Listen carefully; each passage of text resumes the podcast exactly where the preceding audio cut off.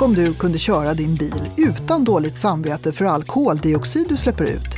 Elbil, säger du då kanske. Men det jag pratar om är också en form av elbil. Men istället för att ladda den i flera timmar vid en elstolpe fyller du den med vätgas. Snabbt och smidigt. Snart i alla fall. Vi har inte haft en vätgasinfrastruktur. Men jag tycker det är lätt att tänka sig att om vi får en ganska billig vätgas som produceras i stor skala för en del industriella användningar, ja då kommer det kunna spilla över så att det kommer att finnas vätgas både för transporter men också för fastigheter. Du lyssnar på Om vetenskap, som den här gången handlar om vätgas, något som blir allt viktigare i ett fossilfritt samhälle. En gas som kan användas i industrin för att kraftigt minska koldioxidutsläppen. Men som också kan användas som bränsle i bilar och bussar och där avgaserna består av vatten istället för koldioxid. Och inte minst, vätgasen kan användas till att lagra energin från sol och vindkraft.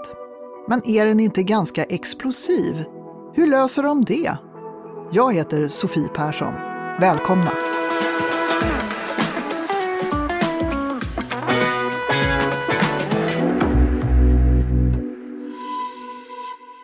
Göran Lindberg är professor i tillämpad elektrokemi vid Kungliga Tekniska högskolan, KTH, i Stockholm.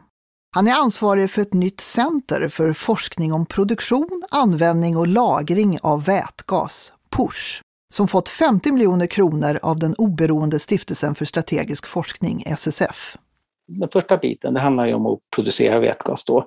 Sen så är det också det här att om det ska växa fram ett vätgassamhälle, då måste vi också kunna distribuera vätgasen och lagra vätgasen. Kan man lagra den på ett mer kompakt sätt, då kan man distribuera den på ett mer kompakt sätt. Så då kommer det in sådana aspekter. Och sen i slutändan vill man ju använda den här vätgasen på ett effektivt sätt. Och mycket av den vätgas som kommer att produceras i Sverige, den kommer att användas till exempel för att göra ståljärn då, så då kommer man inte att göra el igen av det. Men i vissa fall så kommer man att vilja använda den här vätgasen för att till exempel driva farkoster, alltså bilar, flyg, eh, fartyg eller kanske göra el i elnätet igen. Och då är man intresserad av att omvandla den tillbaks till el igen. Det där ska vi såklart försöka göra så lite som möjligt därför att varje gång vi omvandlar någonting så finns det förluster. Men eh, vi har inte annat sett i vinterns elpriser att det skulle inte skada om vi hade haft fler sätt vi kunde göra el på vid vissa tillfällen. Då. Så att vi vill titta på hela den här kedjan. Och ska det bli bra så måste ju alla... Kedjan är inte starkare än den svagaste länken. Så, så får vi inte till alla bitar i det här så, så får vi inte heller ett bra system.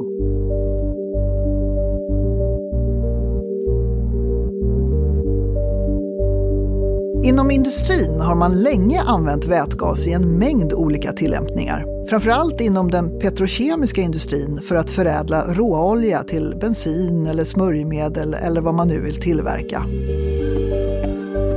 Vätgas används också till exempel för att kyla generatorer i kärnkraftverk och för att tillverka ammoniak för konstgödsel.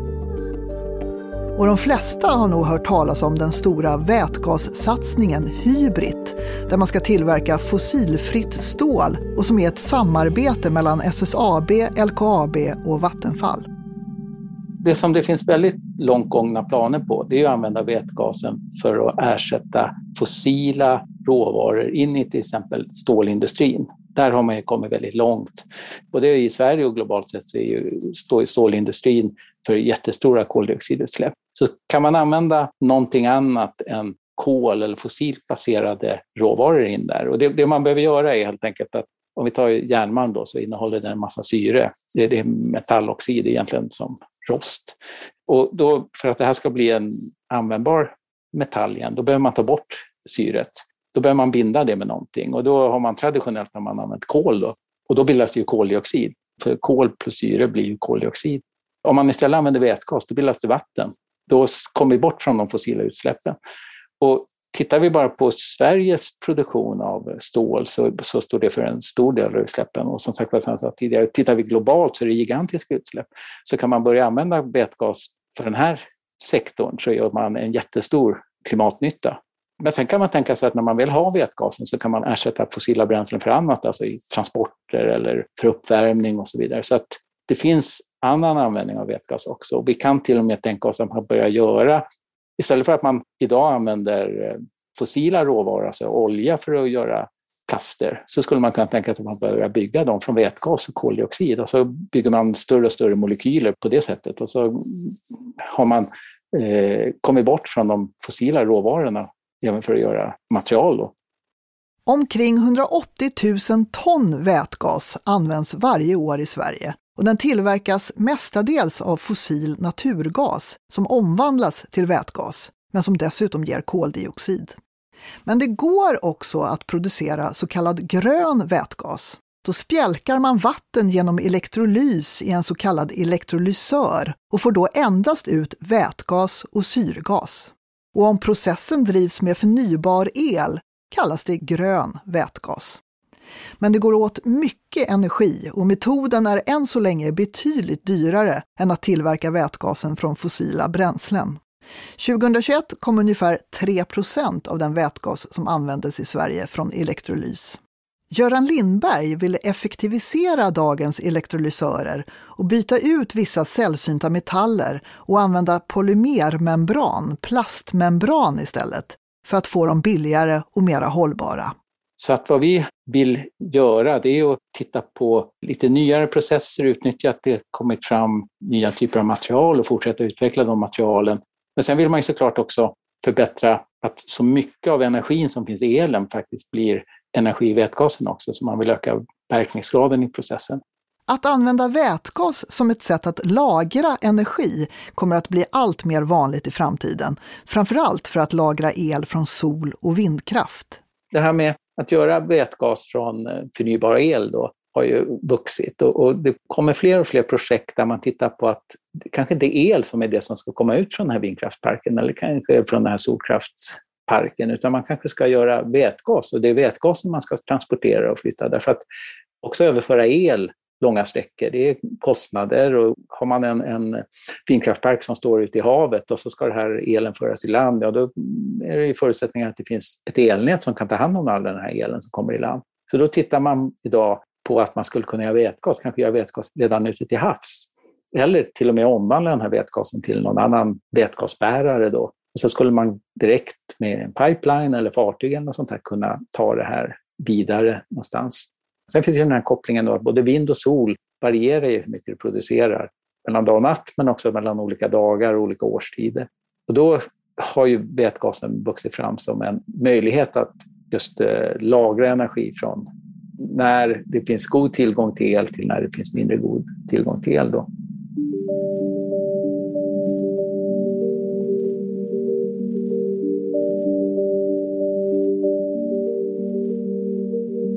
Energimyndigheten har nyligen lagt fram en vätgasstrategi för Sverige och planen är att öka användningen av grön vätgas rejält. Men det lite paradoxala med vätgas är att samtidigt som det är ett bra sätt att lagra el krävs det också mycket el för tillverkningen av vätgasen. Och om Sveriges vätgasförbrukning ökar så mycket som Energimyndigheten förutspår kommer elförbrukningen i sin tur att öka med 60 till mer än 120 terawattimmar per år. Det är alltså mer än den genomsnittliga vattenkraftproduktionen under ett år i Sverige, som är 65 terawattimmar. Eller för att uttrycka det på ett annat sätt, en ökning med 43 procent av Sveriges elproduktion. Men det kommer också att leda till att Sveriges utsläpp av koldioxid minskar rejält med många miljoner ton till 2045, motsvarande 15-30 procent av den koldioxid Sverige släpper ut idag.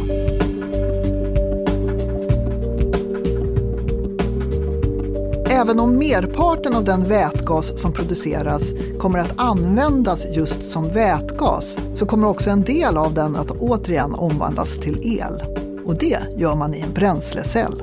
En bränslecell är ett slags uppladdningsbart flödesbatteri kan man säga och består av en negativ anod där vätgasen tillförs, en elektrolyt och en positivt laddad katod där syrgas tillförs.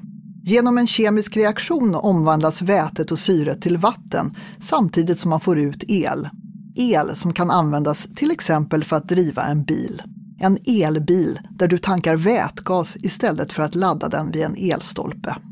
Fördelen med att använda eh, en bränslecell i ett fordon framför att använda traditionell förbränningsmotor på bensin eller diesel, det är ju det att man gör el, man får en tyst drift och det enda som kommer ut ur avgasröret är vatten. Det kommer inte ut några koldioxid, det kommer inte ut en massa annat kväveoxider och sånt där heller. Så man får en mycket miljövänligare fordon, men man har samtidigt fördelen av att det är någonting man kan tanka. Man blir inte beroende av att ha en laddstation. Och I Sverige har vi trots allt en ganska bra infrastruktur för el, så många kan ju ha sin laddare hemma och så, men, men det är lätt att tänka sig om bara innerstan om alla ska börja ladda sina elbilar på gatorna, ja, det kanske inte funkar jättebra. Och sen har vi länder där det absolut inte finns en elinfrastruktur där det skulle fungera att ha massor med elbilar. Och där kanske finns ännu större anledning att titta på vätgas då som en möjlighet. Så det är inte så att vätgasen kommer att slå ut batterierna, utan de här kommer att leva parallellt. Men varför har bränsleceller inte slagit igenom ännu då? Dels så har det ju varit en otrolig snabb utveckling av batterier för till exempel fordon. Så att eh, går man tillbaks 30 år, då låg bränslecellerna före batterierna i utvecklingslinjen. Men så kom eh, det stora genombrottet av litiumjonbatterier och framförallt då Tesla som har varit, drivit de andra företagen att ge sig på det här. Och än så länge så har det varit ett enklare sätt att elektrifiera. Just för att ska man köra vätgas så behöver vi en vätgasinfrastruktur också. Men det som händer nu egentligen, det är att från att det har varit fordonsindustrin som har pratat vätgas specifikt bara en del fordonstillverkare, så har det blivit att vätgasen kommer från ett annat håll. Den kommer från traditionell tung industri egentligen, som säger att vi vill använda vätgas i våra processer. Och då betyder det att då kan transportsidan hänga på och liksom utnyttja att nu kommer det att finnas en massa vätgas plötsligt mycket billigare. Och fordonsindustrin behöver inte vara de som drar i den här utbyggnaden av infrastruktur. De kan utnyttja att plötsligt finns det vätgas.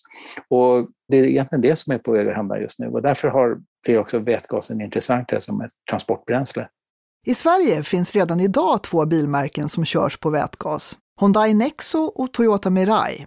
Priset ligger runt 9 kronor milen och du kommer ungefär 60 mil på en full tank. Det går betydligt fortare att tanka en vätgasbil jämfört med en elbil, men än så länge finns det bara fem tankställen i Sverige i Göteborg, Stockholm, Sandviken, Umeå och Mariestad.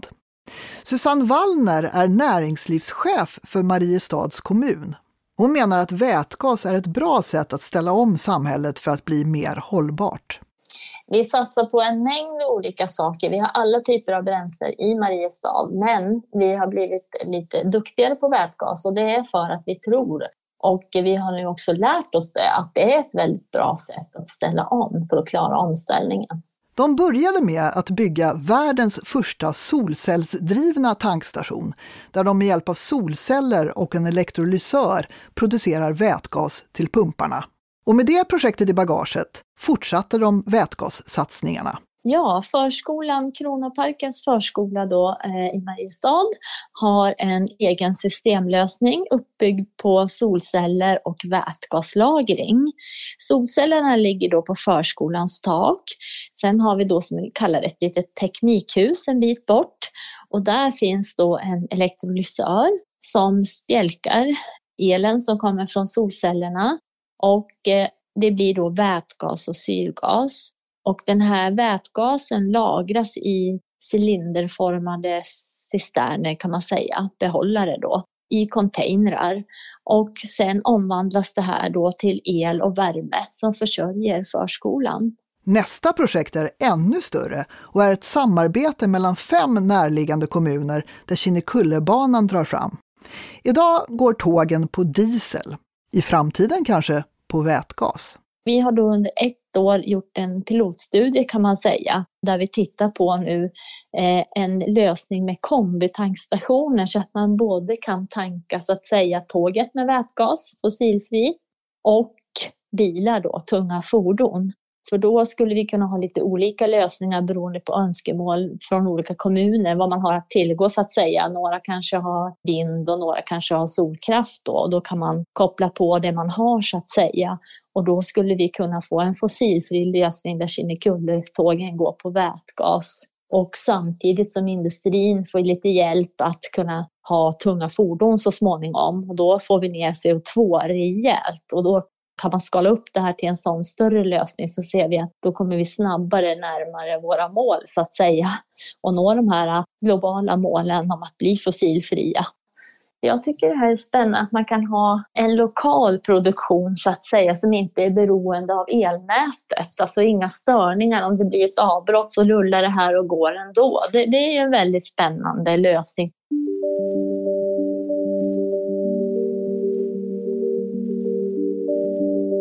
Vätgas är lukt och färglös och vår lättaste gas. Den tar stor plats att lagra och därför komprimerar man gasen och lagrar den under ett stort tryck, oftast 700 bar. Det är det vanligaste sättet att lagra. Ett annat sätt är att kyla ner gasen till väldigt låga temperaturer, minus 253 grader, så att den blir flytande och sen lagrar den i, ja, typ stora termosar. Men Göran Lindberg och hans forskare på KTH tittar på fler sätt att lagra vätgasen. Om man tar det här med att lagra det som tryck eller lagra det i flytande form så här, genom att kyla ner det, det är tekniker som är framme. Vad vi vill titta på är ytterligare sätt, att man helt enkelt kopplar vätgasen till någon annan molekyl. Och ammoniak är ett, ett sådant exempel som finns redan idag. Då tar man kväve i luften och så får man ammoniak som sen kan användas som konstgödsel eller man kan ta tillbaks vätgasen. Då. Vad vi tittar på är någonting som då engelska heter liquid organic hydrogen carriers. Det är alltså en organisk molekyl där man binder vätgasen. Och sen när man behöver få tillbaka den så tar man ut vätgasen igen. Och det här som man binder den i, det är en vätska. Så på så sätt blir det väldigt lätt att separera gasen från den här bäraren, vätskan. Och det finns en del storskaliga försök med det här i Japan, framförallt där man har den första kommersiella anläggningen där man importerar vätgas på det här sättet med tankfartyg då, utomlands ifrån. Länder där man kan tänka sig att det finns förnybar el i framtiden så skulle man kunna transportera vätgas långa sträckor på det här sättet. Användningen av vätgas kommer antagligen att öka avsevärt de kommande åren. Men hur är det med säkerheten? Vad finns det för risker? För när vätgas blandas med syrgas, till exempel från luften, kan den mycket explosiva knallgasen bildas. Marcus Runefors vid Lunds tekniska högskola på avdelningen för brandteknik forskar om vätgassäkerhet. Jag skulle säga att det är framförallt två saker. Dels är det ju att alltså vätgas är ju väldigt reaktivt, det kommer man ju inte ifrån. Alltså knallgas, sådana saker som alla har sett i skolan. Att när vi väl har blandat ut vätgasen med luft och får någon form av tändkälla, då, då, då rör sig flamman väldigt snabbt genom den blandningen och det kan medföra ganska stora tryckökningar. Så det, det alltså en, en, grundläggande sak är liksom att ha tillräckligt med säkerhetsåtgärder så att vi inte får en blandning av vätgasen och syret i luften. Eh, så det är där vi har våra säkerhetsfunktioner i väldigt stor utsträckning. Att vi har magnetventiler, vi har vätgasdetektorer och så vidare för att hindra det. Den andra delen är att vätgas innehåller väldigt lite energi per volym. Det innehåller väldigt mycket per kilo men inte per volymenhet. Och det gör att vi måste lagra under väldigt höga tryck, upp till 1000 bar och det är rätt mycket högre än vad vi gör många andra gaser. Det innebär att om, om vi skulle få en, en tank som rämnar så blir det en ganska kraftig tryckvåg. Men det, där finns ju också mycket säkerhetsåtgärder som man behöver vidta då för att undvika att det scenariot sker. Och eftersom vätgas är så lätt kan den också snabbt sticka iväg upp i luften. Därför har många industrier sin vätgasutrustning utomhus. Det är den stora fördelen med vätgasen. Så att när det gäller knallgas då så är det framförallt när vi får en instängning, när vi gör saker inomhus. Så att det är där man ska vara lite mer uppmärksam kan man väl säga. Dessutom kan det vid vätgasläckage bildas en så kallad jetflamma. Ja, så får du ett utsläpp och en antändning samtidigt då, eller en antändning precis efter utsläppet. Då får du en, en det som vi kallar för en jetflamma. Det blir som en eldkvast som sticker ut från röret. Och den är ju ofta osynlig, så den kan vara svår att upptäcka. Och sen är den ju också extremt varm, den är över 2000 grader, vilket ju är mer än dubbelt så varmt som en normal flamma i ett trämaterial till exempel. Så att om den träffar en yta så kan det ju bli allvarligt. Sen strålar den väldigt lite. Om du, om du går nära en, en, en vanlig eld så, säga, så känner du ju strålningsvärmen i ansiktet. Eh, det gör man inte på samma sätt för en vätgasflamma. Men enligt Marcus Runefors så finns tekniken för att minimera risker med vätgas. Dels handlar det om att se till att man väljer rätt material, för det finns något som heter väteförsprödning som innebär att eh, vätgasen delar upp sig i väteatomer och diffunderar in i, i metalliskt material och gör det sprött och då kan man riskera att få ett rörbrott. Så det är väldigt viktigt att man väljer rätt material, Sen är ju nästa barriär är ju att se till att man har en bra detektion. Där kan man använda ljuddetektorer till exempel, det är ganska effektivt. Eftersom när vi lagrar vid så höga tryck som vi gör, då låter det jättemycket, även ganska små utsläpp. Och då finns det detektorer som detekterar på ljud. Och sen finns det ju andra typer av mer alltså, som detekterar utifrån koncentration i, i luften och sådana saker. Så, och då kan man, om man har utrustat sina tankar med magnetventiler, då kan man ju stänga tillflödet till utrymmet och ventilera bort det som man har. Eller inertera det med aerosoler eller, eller vattendimma eller någonting. Och sen ska man såklart ha sin tryckavlastning om det skulle gå ännu längre.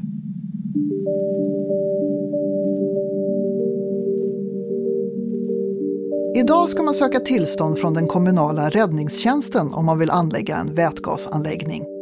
Men eftersom det än så länge är ganska ovanligt med sådana ansökningar är kompetensen skiftande och enligt Markus Runefors är regelverket inte tillräckligt tydligt. För olyckor kan ske, även om det inte är vanligt.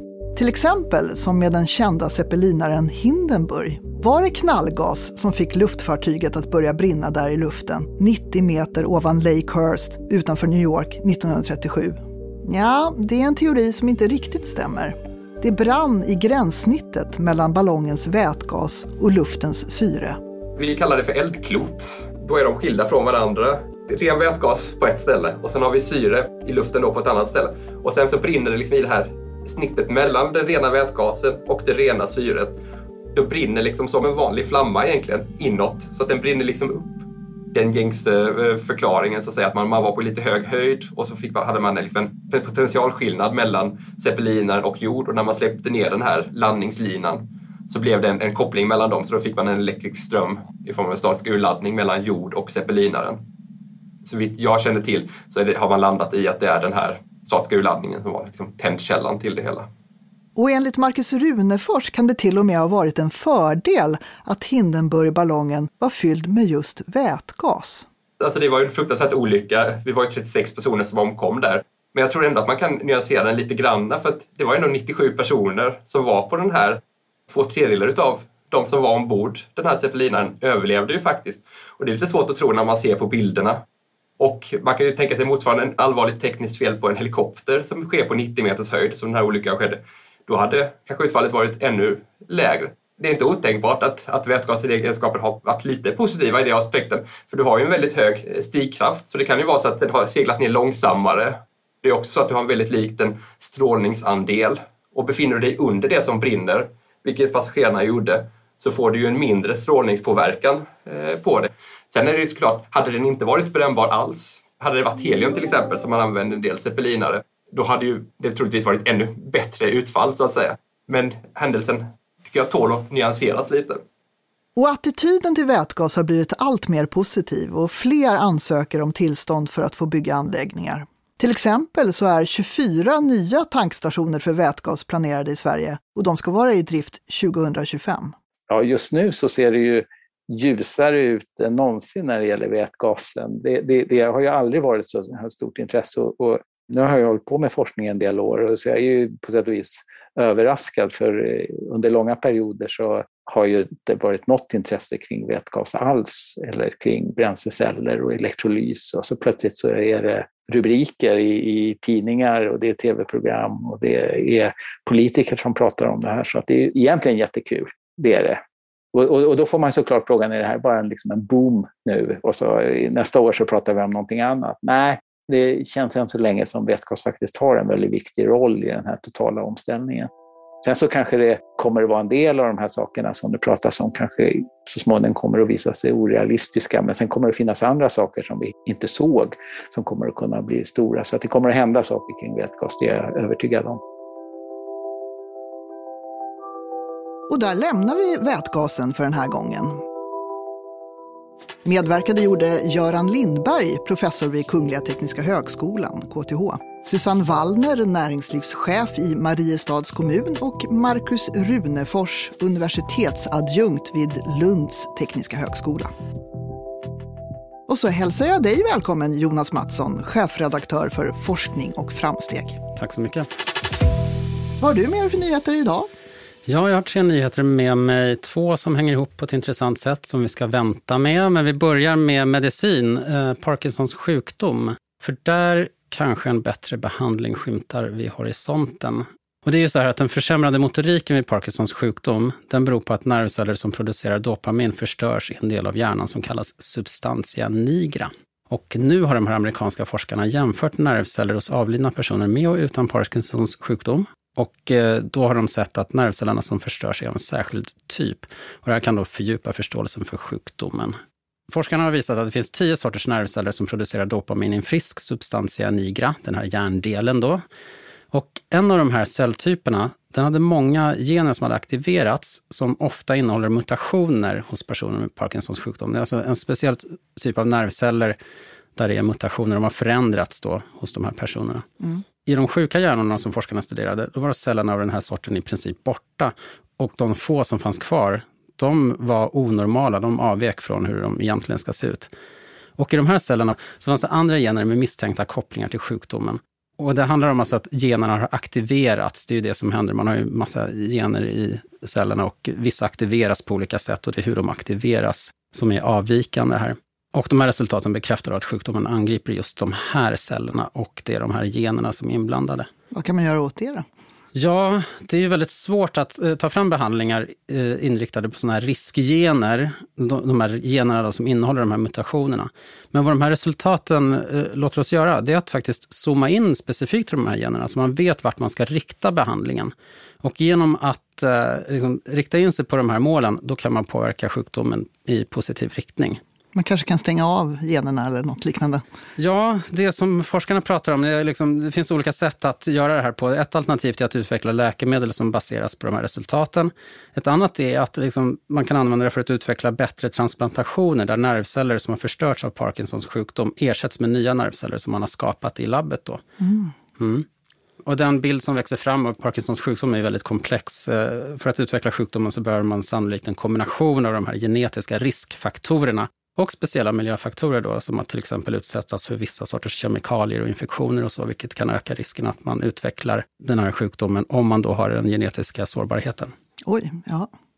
Mm. Um, sen går vi över till växtriket om jag har förstått det rätt. Ja, precis. Och eh, jordbruk och hur vi ska få i oss nog med näring. Um, hörde faktiskt på vägen hit, det talades om veteexporten från Ryssland och Ukraina som är hotad. Men mm. ett eh, annat hot eh, mot eh, vetetillgången i världen, det är de stigande havsnivåerna. För att de ökar risken för att jordbruksmarken förstörs av saltvatten. Och det här är ju inget bra för vetet. Mm. Men nu har svenska forskare tagit fram ett vete som är särskilt utvecklat för att växa i salthaltiga jordar. Och det är så att varje år så stiger havsnivån med i genomsnitt 3,7 millimeter. Och i kustnära områden då så översvämmas jordbruksmark och grundvattnet riskerar också att bli försaltat. Så att man räknar med att 8 procent av världens åkermark eh, bedöms som obrukbar för växtodling på grund av saltföroreningar. Och det är ju väldigt mycket. Mm. Och med klimatförändringarna förväntas det här problemet öka ännu mer. Och det är forskare i Göteborg som har arbetat fram ett vete som klarar att växa i salthaltiga jordar. Och de har också lyckats identifiera vilka gener som styr plantans salttålighet. Och de säger också här att saltvattensproblematiken drabbar hälften av världens länder. Till exempel Australien, Egypten, Oman, Argentina, Indien, Vietnam och Kenya är länder som drabbas av det här. Och eh, då tänker man, om man är så här high tech nu i genetiken, att de har använt CRISPR och andra GMO-tekniker. Mm. Men det har de faktiskt inte gjort. För att eh, stora delar av världen tillåter ju inte att man säljer växter som har utvecklats med hjälp av de här GMO-teknikerna, där man modifierar generna. Ja, EU till exempel. Precis. Därför har man istället arbetat med traditionell växtförädling. Mm. Och det tar ju mycket längre tid, men det är i alla fall vad de har gjort. Mm. Mm. Och eh, det som jag tog med därför, ja. just på grund av att de inte har använt CRISPR, det är att eh, Brexit, det är ju många som klagar på, Ja, jo. Men i Storbritannien så har man precis nu i maj 2022 lagt fram ett lagförslag om att man ska godkänna CRISPR-modifierade grödor, att det ska kunna säljas. Men vad man har gjort då i Storbritannien, det är att man har utvecklat eh, tomater som kan bli en ny källa till D-vitamin. Och det är ett stort problem för många människor att eh, inte få tillräckligt med D-vitamin. Förra gången så hade jag med en bild. Mm. På, det var det växter som hade odlats i sand från eh, månen och sand från jorden. Mm. Och nu har jag den här bilden för att beskriva vad du ser på den. Det är någon som håller en tomat i varje hand, två tomater med andra ord, eh, som ser väldigt lika ut tycker jag nog, de där tomaterna. Röda mm. och runda. Ja, men det, det, finns en skillnad på de här två tomaterna. Ja. Den ena har förädlats då med hjälp av gensaxen CRISPR. Mm. Och eh, det är för att den ska ge lika mycket D-vitamin. Den ger lika mycket D-vitamin som två ägg faktiskt. Och eh, grönsaker, inklusive tomater, är faktiskt eh, fattiga på D-vitamin. Mm. Men däremot i tomatplantan som finns ett förstadium till D-vitamin i form av ämnet provitamin D3. Mm. Dehydrokolesterol heter det också. Mm. Men med hjälp av den här gensaxen CRISPR har forskarna vid det brittiska växtforskningsinstitutet John Innes slagit ut en gen som reglerar det här enzymet. Resultatet som de presenterat i tidskriften Nature Plants visade att en stor mängd av eh, D-vitamin då utvecklades istället, utan att växten i övrigt påverkades. Och det här är faktiskt samma kemiska process som sker i huden när D-vitamin bildas när vi vistas i solen.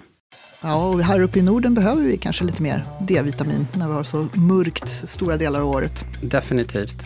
Så får åka till England om några år kanske och köpa de här tomaterna för att lagförslaget har kommit precis nu och eh, det ska ju då tröskas för att tala i jordbrukstermer genom det politiska och administrativa systemet. Ja. Och med det tackar jag dig Jonas Mattsson, chefredaktör för Forskning och framsteg. Tack så mycket. Om vetenskap är slut för den här gången. Jag heter Sofie Persson.